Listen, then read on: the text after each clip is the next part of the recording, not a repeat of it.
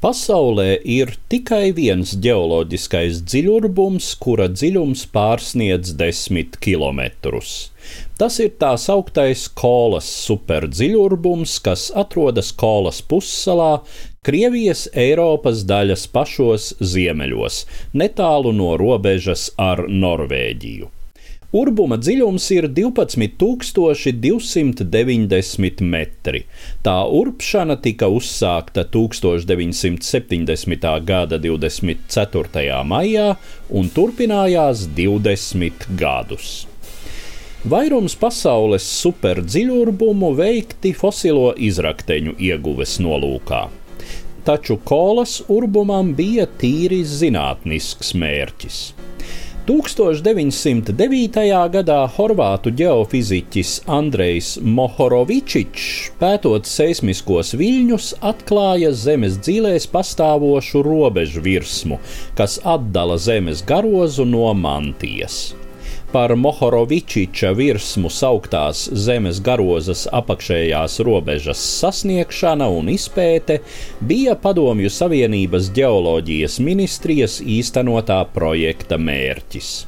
Protams, ka tik dārgu un sarežģītu pasākumu bez komerciāla seguma varēja atļauties tikai Padomju impērija, kuras plānveida ekonomika un totalitārā pārvaldes sistēma ļāva koncentrēt grandiozus resursus. Tomēr arī šai sistēmai bija jārēķinās ar dabas spēku vilktajām robežām, un plānoto 15 km dziļumu tā arī neizdevās sasniegt.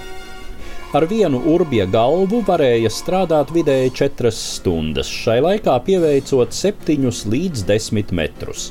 Pēc tam to nācās celt ārā, un tas prasīja apmēram 18 stundas.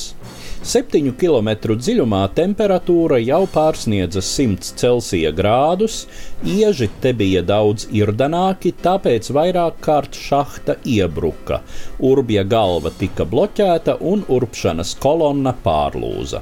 Nācās atstāt nolūzušo daļu pazemē un tālāk urbt ar nobīdi. Pēc deviņu gadu pūliņiem 1979. gadā urbums pārsniedza līdz tam pastāvējušo dziļurbumu rekordu - 9583 metrus. Vēl pēc četriem gadiem tika sasniegts 12 km dziļums.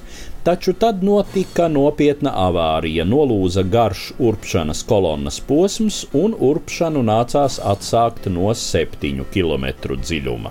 12 km dziļumā tika konstatēta 220 Celsija grādu temperatūra, un aprēķini rādīja, ka plānotajā 15 km dziļumā tā varētu sasniegt 300 grādus, un šādā karstumā līdz tam lietotās geoloģisko urbju galvas nebūtu derīgas.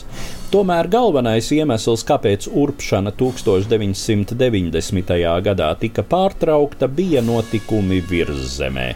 Padomju Savienība bruka, ekonomika pārdzīvoja mokošu pārēju uz brīvā tirgus modeli, un grandiozo projektu vairs nebija iespēju turpināt.